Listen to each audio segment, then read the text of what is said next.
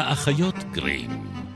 נועה מנהיים ואיילת טריאסט יוצאות לתרבות רעה.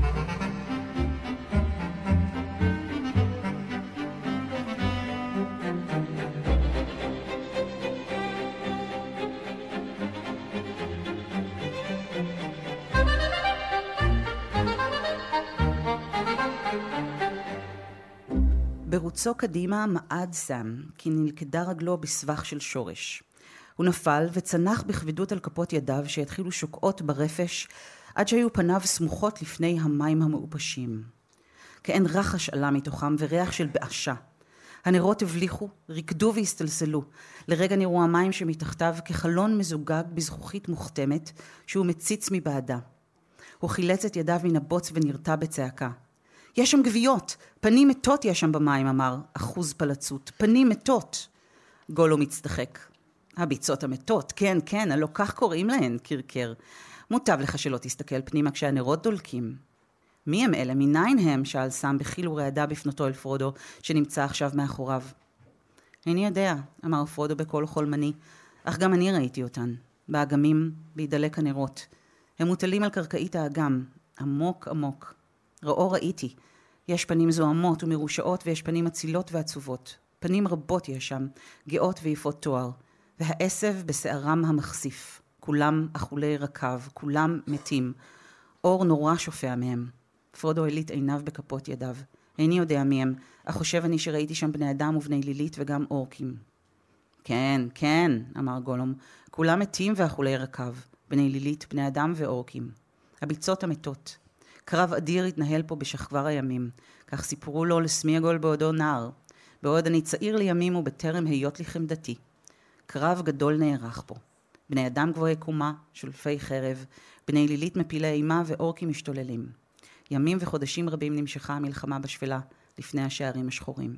אחר כך התפשטו הביצות ובלעו את הקברים, ועדיין הן מתפשטות והולכות. שלום. נועה שלום, מנהיים. איילת טריאסט. ושלום לאנשים הקסומים שיושבים מולנו, ממש כאן, בבית אריאלה. שלום, שלום. אז אה, כפי שחדי האוזן ביניכם יכלו לשים לב, יש עוד מישהו בחדר, חוץ מאיתנו. כן. האחיות גרים. כן. וזאת כיוון שלרגל תוכניתנו המאה חמישים, וזה הפרק המאה חמישים. במספר, יצאנו לסוח בשדות בית אריאלה, בסלון העירוני, ואנחנו אה, ממש מתרגשות אה, שכולכם באתם. אתם עשיתם לנו את אה, הערב. נכון, אנחנו מקליטות כאן עכשיו את הפרק השני בטרילוגיית טולקין שלנו. ואותה נקדיש, כפי שהבנתם אה, מהפתיחה, לנושא כבד, לנושא כבד. למלחמה. כן, אבל... המלחמה שתסיים את כל המלחמות. אה, לא זאת, השנייה, הראשונה. כן. שלום, שלום אה, בימינו. אה, משהו כזה. כן, כן. אני רוצה להתחיל בסום. מותר לי להתחיל בסום? מילה כה קצרה. אכן. ש... כן. איך, איך זה, יש זה ציטוט כזה. כן. כן. אני רוצה להתחיל ב-1 ביולי 1916. זה היה עד היום היום הנורא ביותר בהיסטוריה של הצבא הבריטי. אנחנו במלחמת העולם הראשונה, כמעט 60 אלף נפגעים, מהם 20 אלף הרוגים. לא השיגו שום דבר. כן. אומרת, אנחנו מדברים על אחד הקרבות העקובים ביותר מדם אני חושבת שעדיין, במלחמה הזו. לקרב יחיד או ליום קרב היום, יחיד. יום כן, הקרב כן. היחיד, יום קרב וערבו, כמו שאמר אה, משוררנו. ארבעה וחצי חודשים מאוחר יותר, וכל מה שמדינות ההסכמה הצליחו לעשות זה להתקדם עשרה קילומטרים. ומי שהיה בקרב הזה אה, היה הפרופסור, אותו אה, סופר שעליו אנחנו מדברות, טולקין וחבריו לשולחן התה. אה, איבד- הת- הוא איבד התגייסו כולם. הוא איבד את כולם חוץ מאחד באותה מלחמה, והוא כתב ביומן שלו שאנשים בסביבו נהרגו בקצב של תריסר לדקה. להיפרד מאשתי בזמן אשר כזה היה כמו מוות ודאי. ואני אה, לא היחידה שחושבת שהמלחמה הזו והדברים שהוא ראה השפיעו באופן מאוד עמוק גם על תפיסת העולם שלו, גם על הספרות שהוא כתב, גם על האופן שבו המלחמה בכלל מוצגת בספרים שלו. אה, ובעוד שהוא מאוד הסתייג מההצגה, שציטוט מאוד מפורסם שלו, שהוא הסתייג מההצגה של אה, שר הטבעות כאנלוגיה למלחמת העולם השנייה. זה בוודאי, כי זה נכתב הרבה קודם. וזה נכתב הרבה קודם, והוא גם מציין שחייב אדם להתנסות אישית בכדור צילה של מלחמה כדי לדעת את כובד מועקתה. אך ככל שהשנים חולפות נוטים לשכוח, כי מי שנקלע בצעירותו לשנת 1914 עבר חוויה מבעיטה לא פחות ממי שהיה מעורב ב-1939 ובשנים שלאחר מכן. עד שיצאה 1918 נהרגו כל חבריי הטובים חוץ מאחד. אז למרות שהוא מסתייג מהאנלוגיה למלחמת העולם השנייה, או מההנחה שהוא חזה באיזשהו אופן את פצצת האטום ויש תיאוריות קונספירציות מפה ועד הודעה חדשה, אי אפשר לא לנסות ולהבין איך יצירה שיסודותיה נוצקו במלחמה אחת וראו אור לאחר סיומה של אחרת ועוסקת במלחמת עולם, יש לזה מקום כאן. כן. גם אם הסופר עצמו ביקש להסתייג אבל... מה, כן. אה, מהקישור הזה. כן. נכון.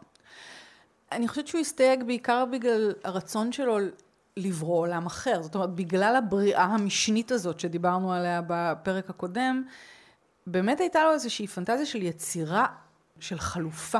הפנטזיה הייתה בשבילו אסקפיזם במובנו הטוב ביותר, כלומר בלי שום לעג במונח הזה, אלא באמת אה, בריחה מכלא הוא קרא לזה, mm-hmm. בריחה מכלא המציאות. והמציאות הייתה מספיק גרועה בשביל לרצות עולם אחר, אפי.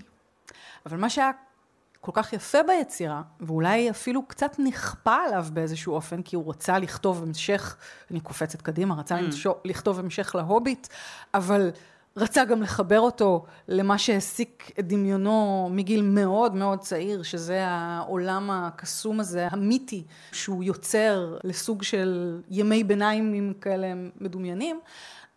החיבור הזה, הכפוי, יצר סוג של מתווך, יצר לנו mm. הוביט בצלמנו ובדמותנו, אה, קטן, שואף לחיות את חייו הקטנים והנוחים ולאכול שש ארוחות ביום, כי כולנו, אתם יודעים. ואני חושבת שזה גם המקום שבו אנחנו רואים עד כמה מודרנית היצירה שלו. כן. זאת אומרת, אם אפשר להתייחס למשל לג'נדריום באופן כללי, כן, הסילמריליון והסיפורים שאופפים אותו, בתור הכינון של המיתוס, אז שר הטבעות הוא האפוס שיוצא ממנו.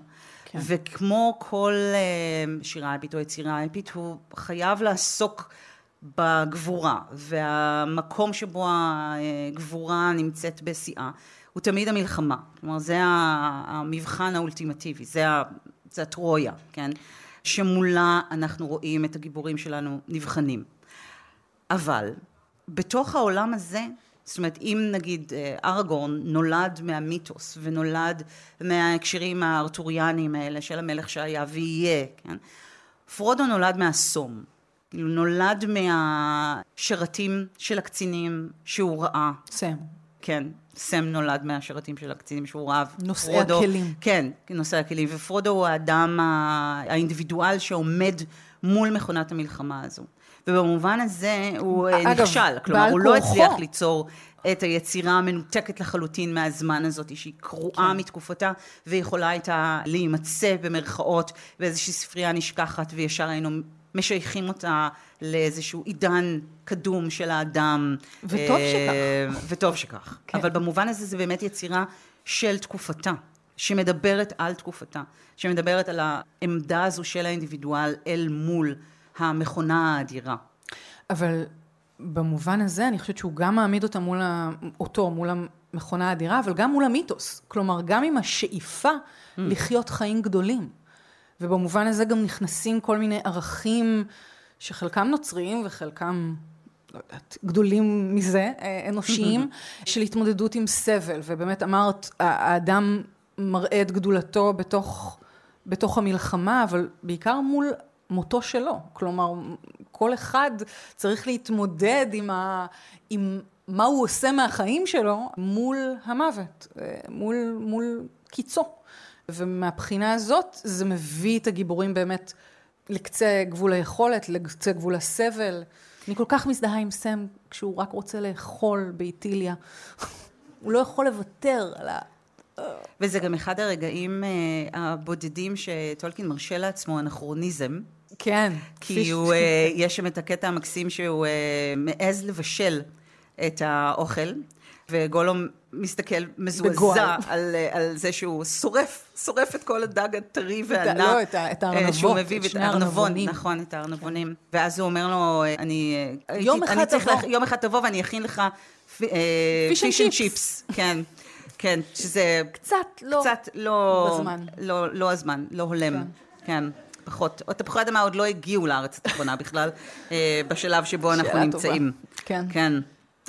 אולי אלנדיל הביא אותם איתו בספינתו, ייתכן. אבל הם לא יכלו לחיות בלי תפוחי אדמה. זו עובדה ידועה עליהם. כן, כן, כן. הוביטים ניזונים כן, מתפוחי כן, אדמה. לא, אין, אין, לא יכולים להיות הוביטים בלי תפוחי אדמה, זה ברור לי כל עוף כך. קר, מלפפונים חמוצים. עוד משהו? שמנת. כן, לא, יש כן. לי בראש גבינות עדיין לסיום? את רשימה, את, המ- אל, אל תיתנו לנו להפריע לכם. את, כאילו, את. את, כן. כאילו כל תכולת המזווה של בילבו.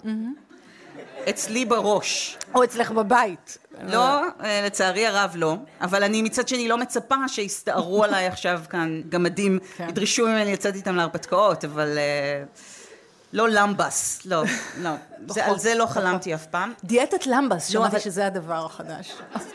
הדיאטה הבאמת אפקטיבית זה לאכול רק את העלים של המלורן שעוטפים את הלמבס. זאת- מהמם. זאת כן. הדיאטה שאת זה צריכה רק, את לנסות. מרזה מזה? ככה. כן. והעוגיות של בני ביורן, לא. לא, ממש לא, זה כן. הכל מלא דבש. שנמשיך לדבר על מלחמות? כן.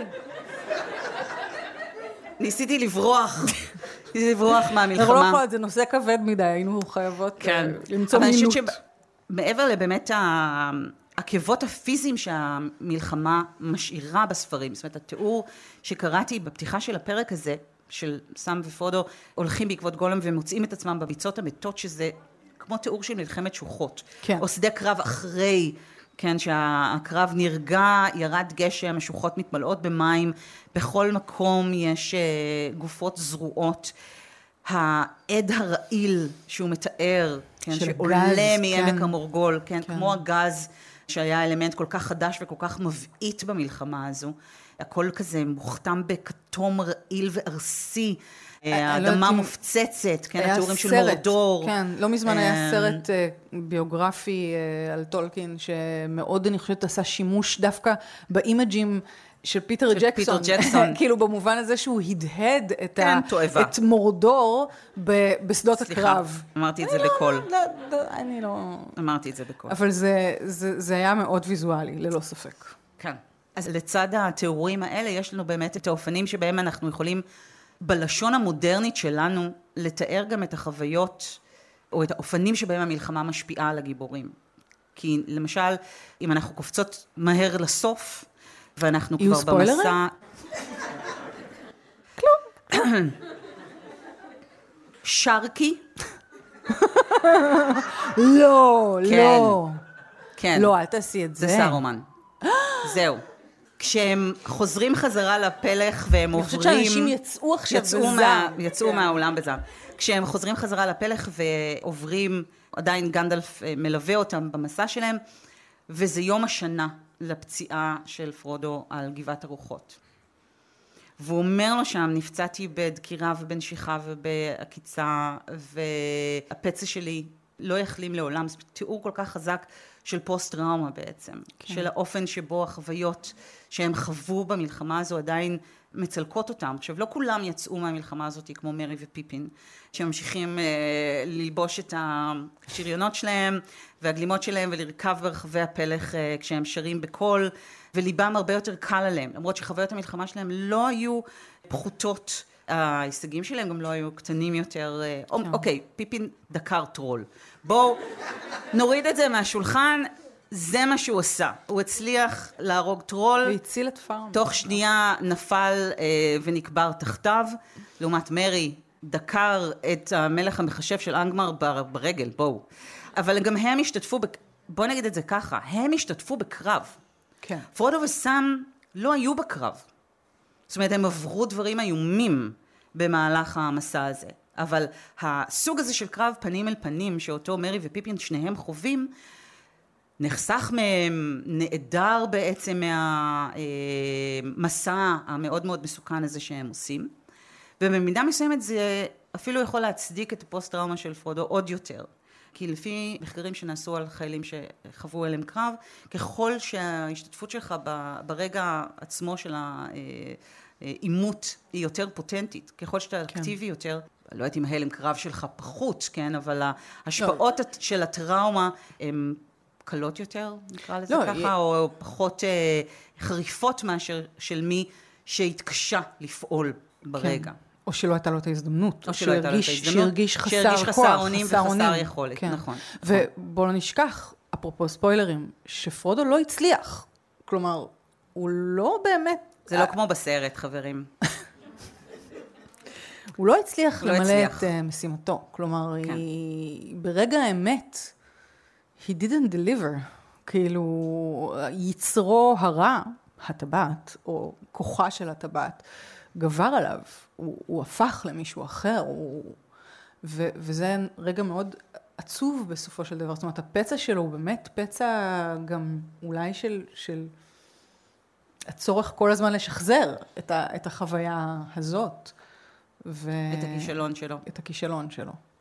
והוא גם שילם על כך בגופו, זאת אומרת, איבד אצבע, זכה כן. לפצע שעדיין אה, דוקר ומזכיר לו, יש תיאור נורא יפה גם בסוף שלו, אה, אוחז שם את העדי הזה שנותנת לו ארווין בפרידתם האחרונה, ונזכר באמת ברגעים האלה שבהם הכל אה, אפל והכל חשוך ואנחנו כן. רואים אותו ממש חוזר בתודעתו לאותן שעות איומות, בין אם זה במסע למורדור ובין אם זה על גבעת הרוחות.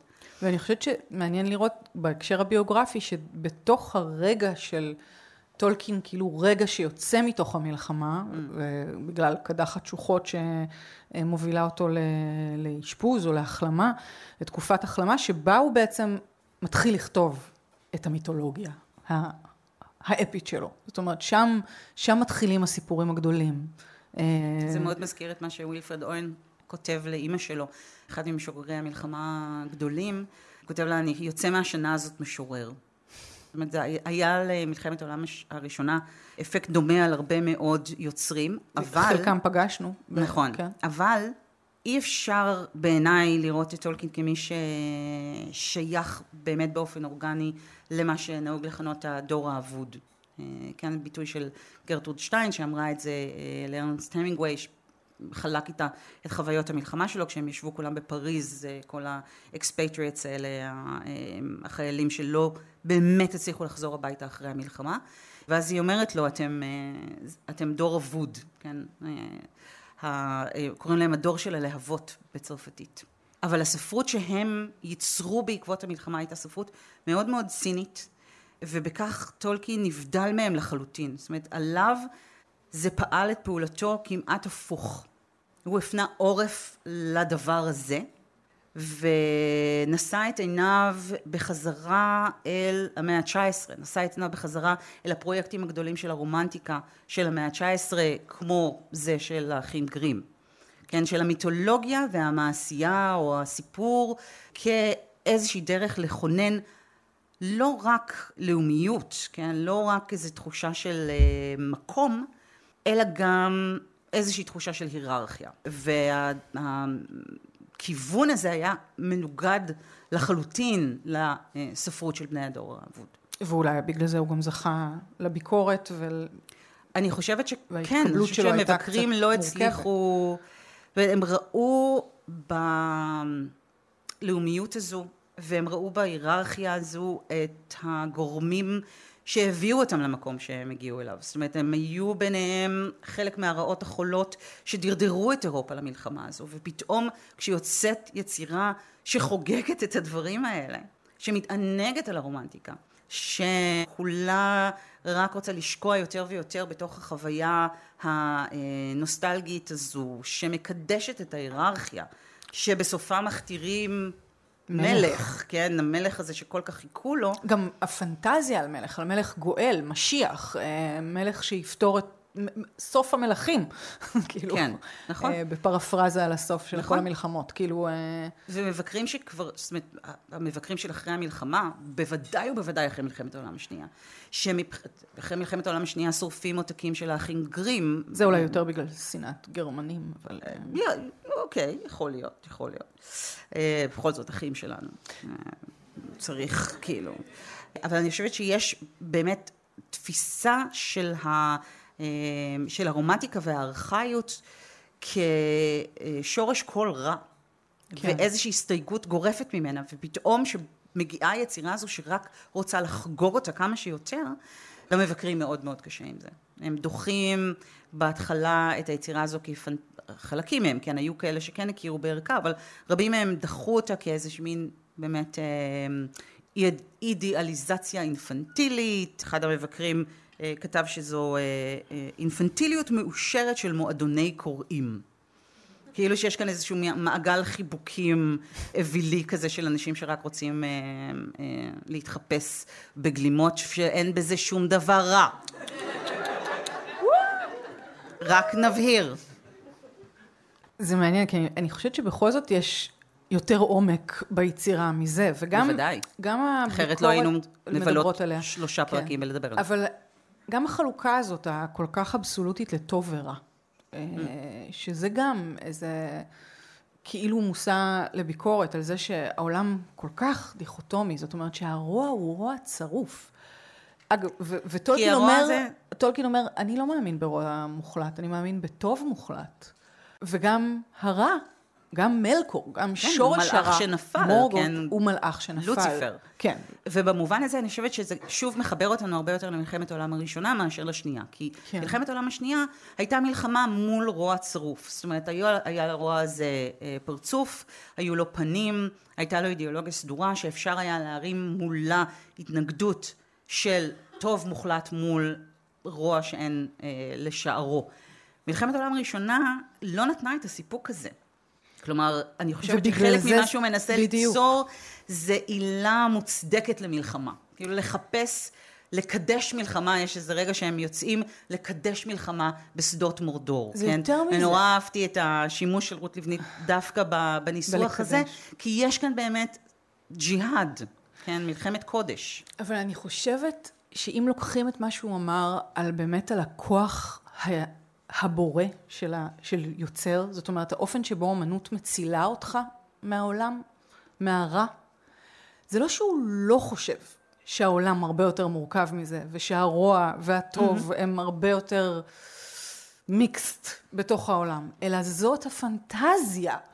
ובשביל זה היא נוצרה. היא נוצרה בשביל לתת לנו לשאוף למשהו, בשביל כאילו משהו to transcend, להתרומם מעל, ה, מעל הממשי. ולכן בעיניי הפרק החשוב ביותר בשר הטבעות זה הפרק על טיהור הפלך. כי זה הרגע שבו אנחנו באמת רואים את המחיר של המלחמה ועל זה שאתה לא יכול אף פעם לחזור לאותו בית שממנו יצאת. כן, זה לא בילבו. אה, אפילו בילבו, כשהוא חוזר חזרה ממסעותיו, צריך לגרש את לובליה והמטריה שלה וכל כלי הכסף שהיא מנסה אה, לגנוב ממנו, אה, כדי שהוא יוכל להחזיר לעצמו את המקום שלו. ופה אנחנו רואים משהו הרבה הרבה הרבה יותר גרוע. זאת אומרת, אנחנו רואים את ההשחתה, ושוב, אחד התיאורים שאני הכי אוהבת, את האצבע של מורדור, שנשלחת אל המקום הבטוח ביותר הזה, אל אה, לב הוביטון, אל המקום שהם רק חיכו כבר לחזור אליו כאילו שהוא אה, יחכה להם שמה וימתין להם לא נגוע, לא מקולקל, והם מגלים שזה בלתי אפשרי, ושהם צריכים לבנות מחדש, ושהצלקות ייקח להם הרבה מאוד זמן אה, להיטשטש, אבל בשביל זה יש. קסם של גלטריאל בעולם, ואפשר להצמיח עצים. נעה אל הנמלים האפורים ועזבה אותנו, אנחנו לא, בעידן אבל בני האדם עכשיו, איילת. אבל היא השאירה קצת קמצוץ, אה, קמצוץ, יש גלעין אחד, כן. בואי, כל הכבוד. הייתה לא- יכולה לתת עוד, כאילו, קצת, קופסה עם חול ו... מצד שני, גימלי קיבל פחות. אז אנחנו לא... אוקיי. בואי נדבר על אה, אהבתו הגדולה למכונות. אנחנו לא יכולים. כי נגמר לנו אנחנו לא הזמן. יכולות גם, כי נגמר לא. לנו הזמן לפרק הזה. אנחנו נצטרך לדבר על זה בפרק הבא. אוקיי. כי בניגוד למצב שבו אנחנו מקליטות באולפן, כי אנחנו לא מקליטות באולפן, אנחנו מקליטות, מקליטות פה בבית אריאלה, בנוכחות קהל חי, אז שם אנחנו ממשיכות עד שאת עוצרת אותי. ופה יש לנו אה, את בן. את בן. תודה, בן. בן שומר עלינו. כן. אה, אז הפרק הזה אה, הגיע אני לסיומו. חושבת שאפשר להגיד משפט על המכונות. אנחנו נגיד אותו בפרק הבא. טוב, בסדר. יש לך בעיה בתחיית סיפוקים, איילת טריאסט? כן, כן. טוב שאת עוזרת לי, נועם עיניים. אז אה, אנחנו אה, האחיות גרים. אנחנו נפרדות מכם בהבטחה לשוב לפרק השלישי בטרילוגיית טולקין שלנו בשבוע הבא, או בעוד רגעים ספורים, זה מאוד תלוי איפה אתם מאזינים לנו. נמצאים? בזמן, במרחב. אה, אנחנו משדרות לכם בגלי צה"ל מדי רביעי בשמונה וחצי, או בי בשלל יישומוני הסכתים. מקהלה מופלאה. תודה, ונתראה בפרק הבא. ביי ביי.